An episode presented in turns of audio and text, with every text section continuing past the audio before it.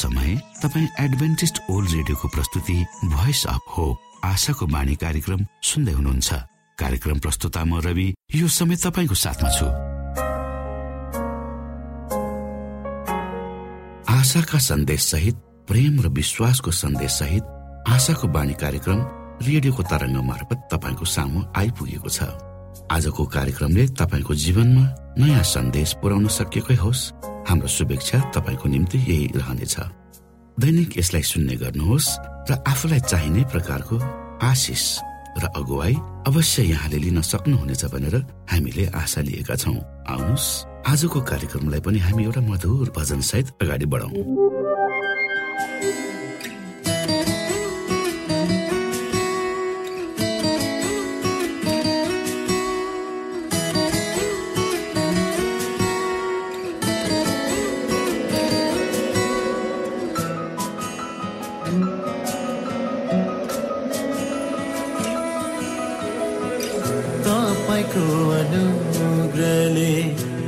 जातिलाई बचाउनु हो जो मृत्युसँग लडिरहेका छन्।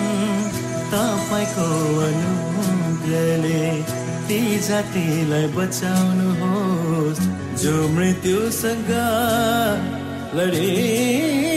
लडिरहेका छन्। तपाईँलाई बचाउने जाति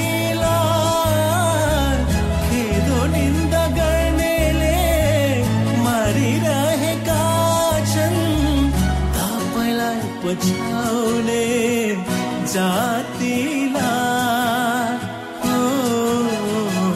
तपाईँको अनुग्रह।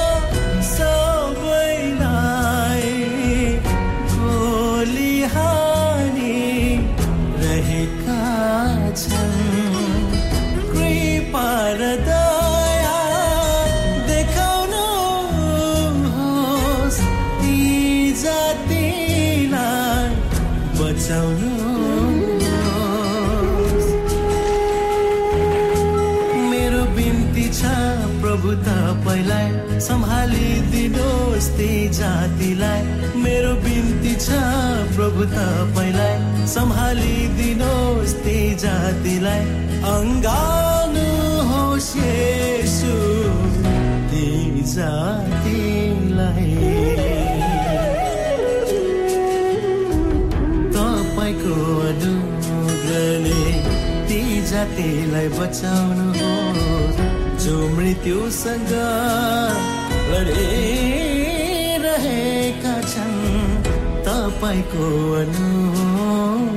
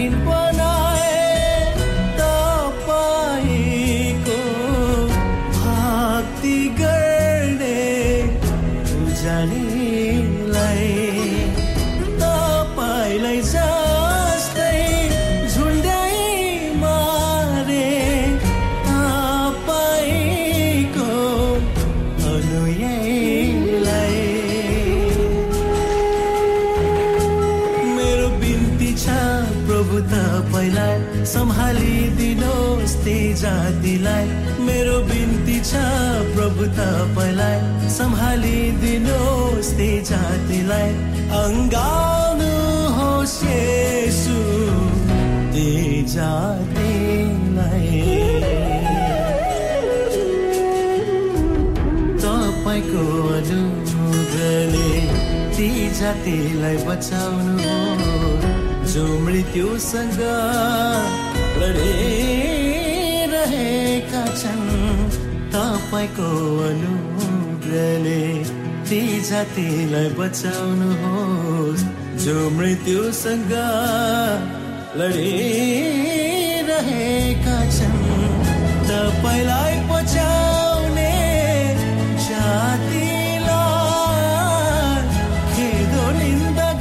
यो समय तपाईँ एडभेन्टिस्ट ओल्ड रेडियोको प्रस्तुति भोइस अफ होप आशाको बाणी कार्यक्रम सुन्दै हुनुहुन्छ। तपाईँ आशाको बाणी कार्यक्रम सुन्दै हुनुहुन्छ। हामी आशा गर्दछौँ कि तपाईँले हाम्रा कार्यक्रमहरू सुनेर आनन्द लिनुभएको छ। यदि तपाईँ हाम्रो तर्फबाट सानो उपहार प्राप्त गर्न चाहनुहुन्छ भने कृपया गरेर हामीलाई Bible at the rate AWR dot ओआरजीमा लेखी पठाउन सक्नुहुनेछ। अथवा हाम्रो वाट्सएप नम्बर प्लस एक दुई दुई चार दुई दुई दुई जिरो सात सात सातमा फोन गरेर सम्पर्क गर्न सक्नुहुनेछ। श्रोता मित्र यो समय हामी पास्टर उमेश पोखरेलबाट आजको बाइबल सन्देश सुन्नेछौ। श्रोत साथी न्यानो अभिवादन साथ म तपाईँको आफ्नै आफन्त अर्थात् पास्टर उमेश पोखरेल परमेश्वरको वचन लिएर यो रेडियो कार्यक्रम मार्फत पुनः तपाईँहरूको बीचमा उपस्थित भएको छु। श्रोत साथी तपाईँले हाम्रा कार्यक्रमहरूलाई नियमित रूपमा सुन्दै हुनुहुन्छ र परमेश्वरका प्रशस्त आशिषहरू प्राप्त गर्दै हुनुहुन्छ। श्रोत साथी आउनुहोस् तपाईँ हामी केही समय परमेश्वर सँगसँगै बिताउनेछौँ आजको प्रस्तुतिलाई पस गर्नुभन्दा पहिले आउनुहोस् म परमेश्वरमा अगुवाईको लागि बिन्ती राख्नेछु जीवित जुदो महान दयालु परमेश्वर प्रभु हामी धन्यवादी छौँ यो जीवन र जीवनमा दिनुभएका प्रशस्त आशिषहरूको। प्रभु यो रेडियो कार्यक्रमलाई म तपाईँको हातमा राख्दछु यसलाई र तपाईँको राज्य र महिमाको प्रचारको खातिर यो देश र सारा संसारमा। ताकि धेरै मानिसहरूले तपाईँको ज्योतिलाई देख्न सक्छ सबै बिन्ती प्रभु नाम आमेन। श्रोत साथी एक तीर्थयात्रीहरूको समूह जब अमेरिकाको फिलामाउथ पहाडमा पुग्यो त्यति बेला उनीहरूसँग एउटा सपना र योजना थियो उनीहरू एउटा सपनाले निर्देशित थिए।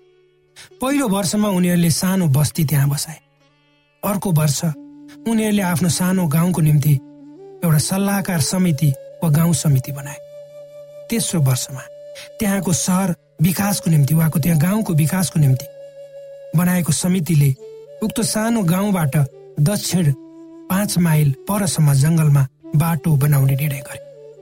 तर त्यहाँका मानिसहरूले उक्त निर्णयको आलोचना गरे। विरोध। कि उक्त योजना भनेको पैसाको बर्बादी मात्र गर्नु। आश्चर्य लाग्दो कुरा के छ भने जब एकपल्ट उनीहरू एउटा समुद्रको किनारबाट अर्को समुद्र अर्को किनारसम्म नयाँ संसारलाई हेर्न सक्थे। तर अहिले केवल पाँच माइल टाढा सडकलाई पनि उनीहरूले देख्न सकेन। के भयो त? तिनीहरूले आफ्नो दर्शन वा प्रकाश वा योजनालाई जीवित राख्न सकेन। कसरी तपाईँ र मैले आफ्नो जीवनमा हाम्रा योजना हाम्रा वा सपनाहरूलाई जीवित राख्न सक्छौँ? यो सबभन्दा महत्त्वपूर्ण प्रश्न तपाईँ र मेरो जीवनको पहिलो कुरा तपाईँ र मेरो जीवनको उद्देश्य र योजना वा सपनालाई हामीले सदैव अगाडि राखेर अगाडि बढ्नुपर्छ।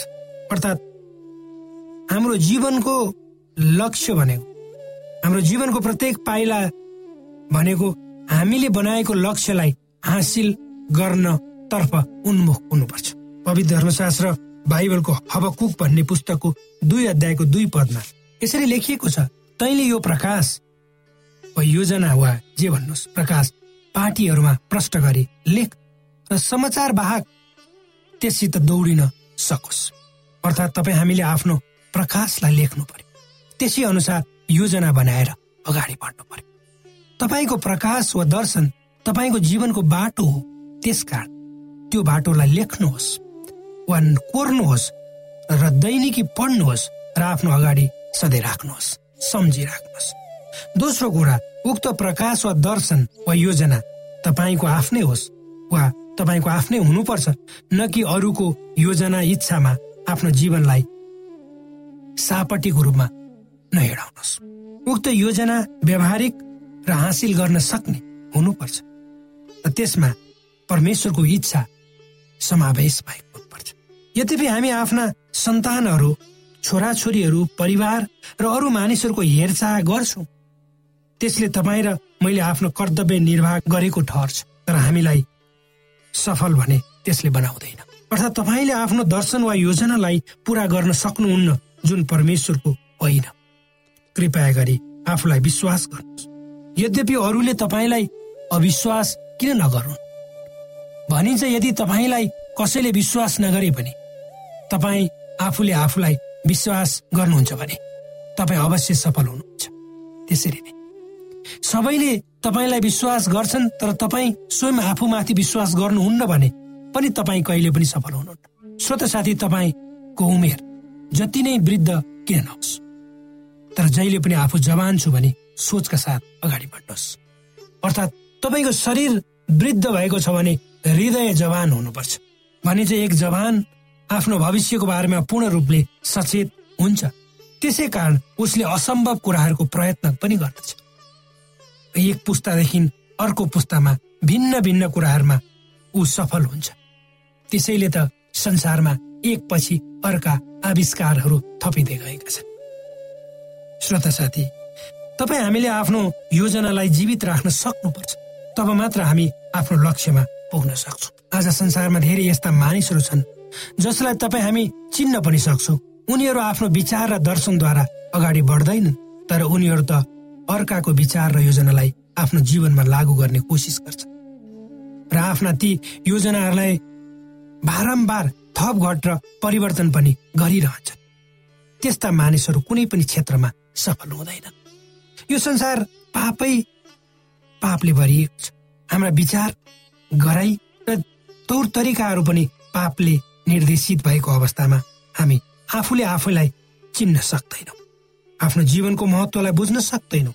अर्थात् आफू को भन्ने वास्तविकतालाई नबुझेर हामी व्यर्थमा आफूलाई खोज्न र बुझ्न अरूको सहारा लिन्छौँ र अनाहकमा आफ्नो जीवनका महत्वपूर्ण समयहरूलाई बिताइरहेका हुन्छौँ। जब मानिसले म को र मैले के गर्न सक्छु भन्ने वास्तविकतालाई उसको भित्रबाट बुझ्दैन तबसम्म निश्चय नै उसले चाल्ने जीवनका प्रत्येक पाइलामा ऊ अगाडि खडा हुन सक्दैन। भनिन्छ तपाईँको जीवनको सफलता वा असफलता तपाईँमा नै निर्भर हुन्छ। हाम्रो जीवन चुनौतीले भरिएको छ र ती चुनौतीहरूलाई तपाईँ हामीले परमेश्वरको शक्तिद्वारा सामना गर्नुपर्छ। त्यसैले त परमेश्वरले यो संसारलाई पहाडहरू उपत्यकाहरू भित्री मधेसहरू हिमालसम्म भूमिहरू गरेर बनाउनु भएको छ। त्यसै गरी हाम्रो जीवनमा पनि खुसी आनन्द दुःख कष्ट असल सबै क्षणहरू सँगसँगै अगाडि बढ्छन्। श्रोत साथी एउटा मान्छेको म जीवनी तपाईँको अगाडि राख्दछु।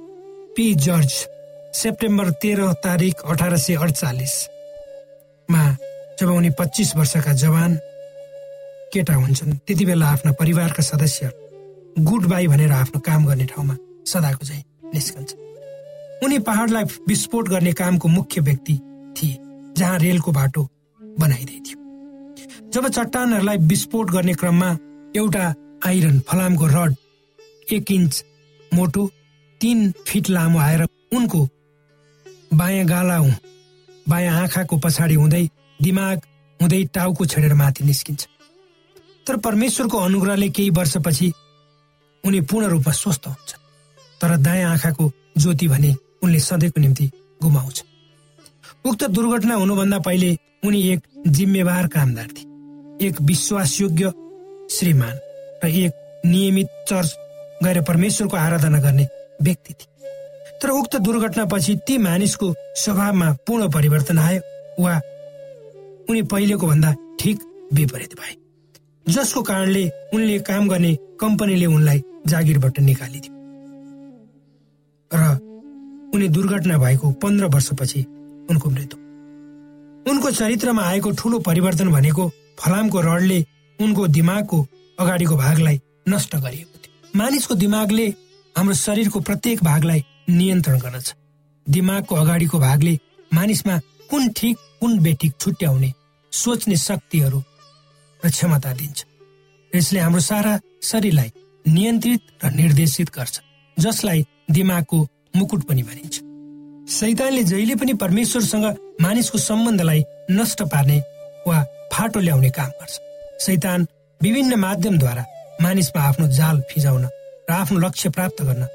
खोज्छ ज जसले आफूलाई सुरक्षित राख्छन् उनीहरूले परमेश्वरको अनुहारलाई देख्छन् र उहाँको नाउँ उनीहरूको निधारमा लेखिएको हुन्छ दैवीय परमेश्वरको नाउँ आफ्नो निधारमा हुनु भनेको परमेश्वर हाम्रो मालिक हुनुहुन्छ भनी स्वीकार गर्नु। हामी सबैले निर्णय गर्नुपर्छ। हाम्रो निधारमा कसको नाम लेख्ने भनेर? अर्थात् यसुको वा सैतानको। सांसारिक स्वर्गलाई केवल दुईजना मानिसहरूले मात्र अनुभव गरे अर्थात् आदम र हवाले मात्र। तर स्वर्गीय ठाउँको भने सबै मानिसहरू जसले परमेश्वरलाई विश्वास गर्दछन् उनीहरूले अनुभव गर्न सक्दछन्। केही वर्ष अगाडि एउटा विशेष ओलम्पिक खेलको आयोजना गरिएको थियो। उक्त खेल शारीरिक एवं मानसिक रूपमा अशक्त व्यक्तिहरूको निम्ति स्पेसल ओलम्पिकको रूपमा आयोजना गर्ने गरिन्छ। नौजना प्रतिस्पर्धीहरू सय मिटरको दौडमा भाग लिन्छन् जब बन्दुक पड्कन्छ सबैजना आफू पहिले गन्तव्यमा पुग्ने भनी प्रतिस्पर्धा साथ दौडिन्छन् तर ती मध्ये एकजना बाटैमा लड्छ र ऊ कराउन थाल्छ। अरू आठजनाले आफ्नो एउटा प्रतिस्पर्धी कराएको सुन्छ र सबै अगाडि दौडनुभन्दा टक्क रोकिन्छन् र उक्त लडेको साथी भएको ठाउँमा आउँछ र सबैले एकअर्काको सहाराद्वारा उसलाई उठाएर हातमा हात मिलाए। अगाडि बढ्छन्। यस्तो दृश्य देखेर त्यो रङ्गशालामा भेला भएका प्रत्येक मानिसहरू उठेर ताली बजाउँछन् र उनीहरूले गरेको कामको सराहना गर्छन्। उक्त विशेष ओलम्पिकमा भाग लिने मानिसहरूले अझै पनि उक्त घटना सम्झिरहेका छन्। किनकि हामीलाई थाहा छ जीवनमा सबभन्दा ठुलो के कुराले असर पार्छ भनेर त्यो भनेको दौड जित्नुभन्दा धेरै ठुलो कुरो र जीवन भनेको एक अर्कोलाई मद्दत गर्नु र सबै किसिमले सबैजनाले जित्नु नै जीवन हो परमेश्वरले यी वचनहरूद्वारा तपाईँ र मलाई आशिष दिउन्।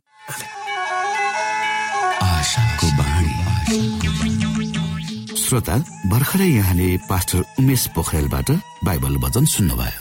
यो समय तपाईँ एडभेन्टिस्ट ओल्ड रेडियोको प्रस्तुति भोइस अफ होप आशाको बाणी कार्यक्रम सुन्दै हुनुहुन्छ। कार्यक्रम सुनेर बस्नुहुने सबै श्रोतालाई हामी हाम्रो कार्यक्रममा स्वागत गर्न चाहन्छौ।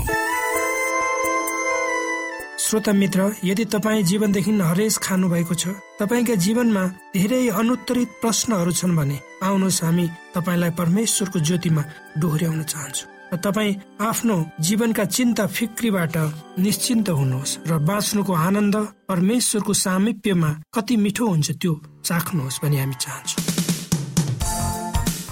श्रोता यदि तपाईँ आशाको बाणी कार्यक्रमलाई अनलाइन सुन्न चाहनुहुन्छ वा डाउनलोड गर्न चाहनुहुन्छ भने डट ओआरजीमा जानुहोस्। त्यहाँ तपाईँले प्रत्येक दिनको कार्यक्रम सुन्न र डाउनलोड गर्न सक्नुहुनेछ। हाम्रो वेब पेज यस प्रकार छ डब्लु डट श्रोता यदि तपाईँ हामीसित सिधै फोनमा सम्पर्क गर्न चाहनुहुन्छ भने हाम्रा नम्बरहरू यस प्रकार छन्। अन्ठानब्बे एकसाठी पचपन्न शून्य एक सय बिस अन्ठानब्बे एकसाठी पचपन्न शून्य एक सय बिस र अर्को अन्ठानब्बे अठार त्रिपन्न पन्चानब्बे पचपन्न. अन्ठानब्बे अठार त्रिपन्न पन्चानब्बे पचपन्न। यो एडभेन्टिस ओल्ड रेडियो हो। तपाईँ आशाको बाणी कार्यक्रम सुन्दै हुनुहुन्छ। यस सम्बन्धी थप जानकारीको लागि कृपया गरेर हामीलाई सम्पर्क राख्न सक्नु हुनेछ हाम्रो इमेलको ठेगाना Bible at the rate AWR dot ORG अर्थात् B I B L E at AWR dot ORG हो। तपाईँ हामीलाई हाम्रो वाट्सएप नम्बर प्लस एक दुई दुई चार दुई दुई दुई जिरो सात सात सातमा पनि कल गरेर सम्पर्क राख्न सक्नुहुनेछ। अर्थात् प्लस एक दुई दुई चार दुई दुई दुई जिरो सात सात सात। यो आशाको बाणी रेडियो कार्यक्रम हो। म धनलाल राई यहाँहरूलाई यस कार्यक्रममा न्यानो स्वागत गर्दछु। आज म तपाईँको बीचमा बाइबल सन्देश लिएर आएको छु। आजको बाइबल सन्देशको शीर्षक रहेको छ युगको अन्तमा बाँकी रहेका परमेश्वरका जनहरू।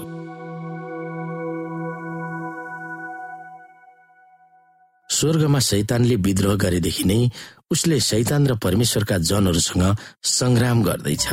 यस पृथ्वीमा मात्र होइन सारा जगत नै आफ्नो पार्ने शैतानको लक्ष्य हो। पृथ्वीको इतिहासको अन्त्यमा उसको ध्यान परमेश्वरका जनहरूतिर केन्द्रित भइरहेको छ। प्रकाश बाह्र अध्यायको सत्रले जोड गरेर यो भन्दछ कि अजिङ्गर अर्थात् शैतान स्त्री अर्थात् चर्चसँग अति क्रुद्ध भयो र उनका बाँकी रहेका सन्तानसँग भीषण युद्ध गर्न गयो। यो बाँकी सन्तान वा बचे खुचेको भन्ने अभिव्यक्ति किम जेम्समा द रेमनेन्ट भनेर उल्लेख गरिएको छ।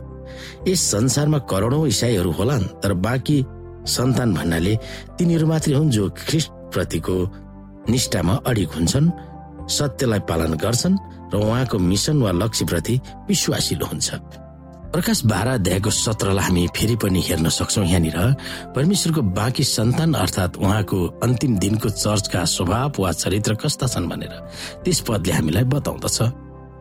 तब त्यो अजिङ्गर त्यस स्त्रीसँग क्रोधित भयो र त्यसका बाँकी सन्तानसँग युद्ध गर्न गयो। अर्थात् तिनीहरूसँग जुनहरूले परमेश्वरका आज्ञाहरू पालन गर्दछन् र यसुको गवाईहरू दिँदछन्। परमेश्वरको चर्च वा स्त्रीसँग शैतान वा अजिङ्गर क्रोधित भयो भनेर प्रकाश बाह्र अध्यायको सत्रले बताउँदछ। परमेश्वरको आज्ञाहरू पालन गर्नेहरूप्रति शैतान रिसले बहुला भएको छ र तिनीहरूलाई नाश गर्न उसले सकेसम्म सबै अस्त्रहरू प्रयोग गर्नेछ। परमेश्वरका आज्ञा नमान्ने वा दश आज्ञालाई पालन गर्नु नपर्ने भनेर सिकाउने प्रोटेस्टेन्ट वा सुधारवादी चर्चहरू क्याथोलिक चर्च र संसारका शासकहरूलाई परमेश्वरका बाँकी सन्तानको खिलाफमा ऐन पास गर्न लगाउँदछन्। त्यस ऐनमा परमेश्वरप्रति वफादार हुनेहरूले त न त किन्न सक्छन् न त बेच्न सक्छन् भन्ने कानून बन्न सक्छ। त्यति मात्र नभएर तिनीहरूलाई झ्यालखानामा हाल्ने र मार्न समेत उर्दी लेखिएको हुन्छ।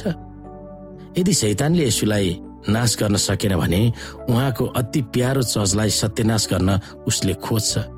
हामी याद गर्नु पर्दछ कतिपय इसाई भनाउँदाहरूले नै सिकाएको पृथ्वीमा हुने अन्तिम युद्ध मध्य पूर्व एसिया इजरायल इराक इरान मिश्र अरब देश आदि देशहरूमा र अहिले ती देशहरूमा भएका विभिन्न द्वन्द होइन। तर विश्वभरि फैलिएका परमेश्वरका जनहरूको विरुद्धमा यो युद्ध केन्द्रित छ। यस युद्ध दुई प्रतिद्वन्दी शक्तिहरूको बीचमा हुने हो। ती शक्तिहरू ख्रिस र शैतान हुन्। फेरि यस युद्धमा कोही मानिस पनि तटस्थ रहँदैन। यस अन्तिम युद्धको मुख्य प्रश्न त यो हो हाम्रो निष्ठा कोसँग छ। हामी कसको पक्षमा उभिन प्रतिबद्धता छ? ख्रिसको प्रेमले सुचर्चित र आकर्षित भएकाहरू उहाँको अनुग्रहले मुक्ति पाएकाहरू उहाँको लक्ष्यमा समर्पित हुनेहरू उहाँको पवित्र आत्माले शक्ति सम्पन्न भएकाहरू र उहाँका आज्ञाहरूलाई पालन गर्न अडिक हुनेहरू उहाँको निम्ति ज्यान दिन पनि तयार हुन परमेश्वरले आह्वान गर्नुहुन्छ। हाम्रो संसार ठुलो र मुख्य सङ्कटमा अघि बढिरहेको छ तर यसुमा यसुद्वारा यसुले र यसुकै कारणले विजय हाम्रो हुनेछ भन्ने हामीलाई आश्वासन पनि दिएको छ। तर उहाँलाई विश्वासद्वारा पक्रिराख्नु पर्दछ र त्यस विश्वासले उहाँका आज्ञाहरू पालन गर्न अग्रसर भइरहनु पर्दछ। विजय हाम्रो हुनेछ। यथार्थमा भन्ने हो भने यसुलाई चुनेर शैतानसँग लड्ने कि नलड्ने भन्ने आत्मा निर्णयको स्वतन्त्रता हामीलाई नै दिएको छ। अन्तिम श्रोता तपाईँको आफ्नै जीवनमा र अनुभवमा प्रकाश बाह्र अध्यायको सत्रको वास्तविकता कसरी भइरहेको छ? अर्थात् यशु र शैतानको बीचमा भइरहेको महान सङ्घर्षगत तलो तपाईँको जीवन पनि भएको तपाईँले कसरी पाउनु भएको छ? यो प्रश्न म तपाईँको बीचमा छोड्दछु।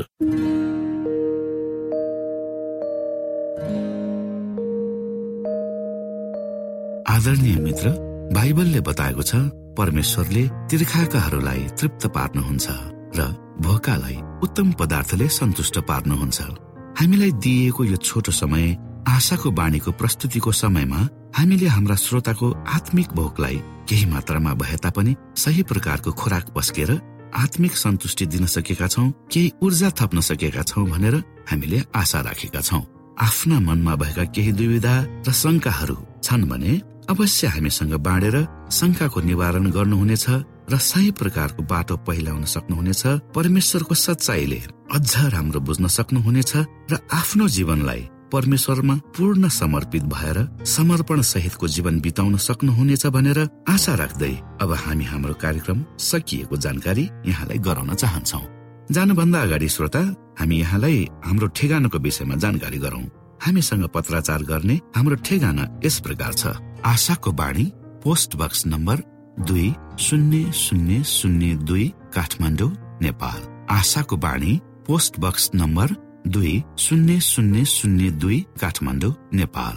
यसै गरी श्रोता यदि तपाईँ हामीसँग सिधै कुराकानी गर्न चाहनुहुन्छ भने हाम्रो फोन नम्बर यस प्रकार छ। अन्ठानब्बे एकसाठी पचपन्न शून्य एक सय बिस र अर्को अन्ठानब्बे अठार त्रिपन्न पन्चानब्बे पचपन्न। यदि तपाईँ हामीलाई अनलाइन सुन्न चाहनुहुन्छ वा डाउनलोड गर्न चाहनुहुन्छ भने तपाईँ W W W dot AWR dot ओआरजीमा जानुहोस् र त्यहाँ तपाईँले हाम्रा सबै कार्यक्रमहरू सुन्न सक्नुहुनेछ। हाम्रो वेब पेज यस प्रकार छ W W W dot AWR dot ORG श्रोता यसमा गएर तपाईँले हाम्रा दैनिक कार्यक्रमलाई सुन्न सक्नुहुनेछ र डाउनलोड पनि गर्न सक्नुहुनेछ।